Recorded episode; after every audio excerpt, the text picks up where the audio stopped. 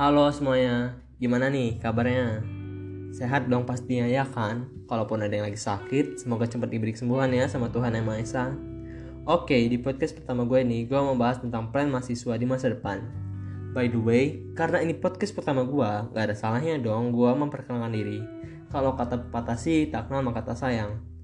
Oke, nama gue Muhammad Rifki dari Prodi Teknik Elektro dan juga kelompok PPLK 46 Institut Teknologi Sumatera daripada banyak bahasa basi, mending kita lanjut ngomongin topik yang akan gue bahas ya. Kenapa sih kita harus bikin plan untuk ke depannya? Mungkin udah banyak yang tahu ya kenapa kita harus bikin plan. Buat yang belum tahu, gue kasih tau aja deh. Karena dengan kita bikin plan buat masa depan, hidup lu bakal lebih baik ke depannya. Pasti ada yang pernah dengar nih kalimat kayak gini. Jalanin aja bro, hidup udah diatur sama Tuhan. Ya emang benar sih udah diatur, tapi itu balik lagi ke kita mau hidup yang benar apa enggak nih. Kalau enggak ya gimana Tuhan mau ngasih jalan yang benar ya kan? Terus gimana sih cara bikin plan untuk masa depan? Ini menurut gua ya. Pertama kita tentuin deh mau ngejar impian yang gimana sih. Terus buat rencana jangka panjang dan juga pendek. Gue jelasin deh misal yang mau jadi dokter nih ya harus ngambil S1 kedokteran dong.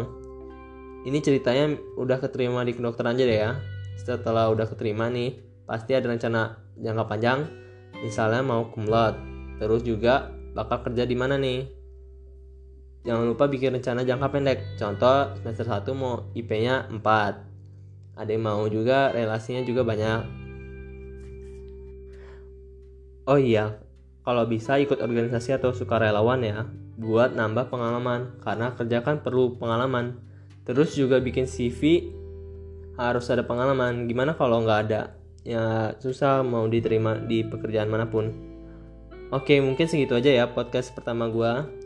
Bila ada kesalahan, gue mohon maaf. Sampai jumpa di podcast selanjutnya, kalau ada juga.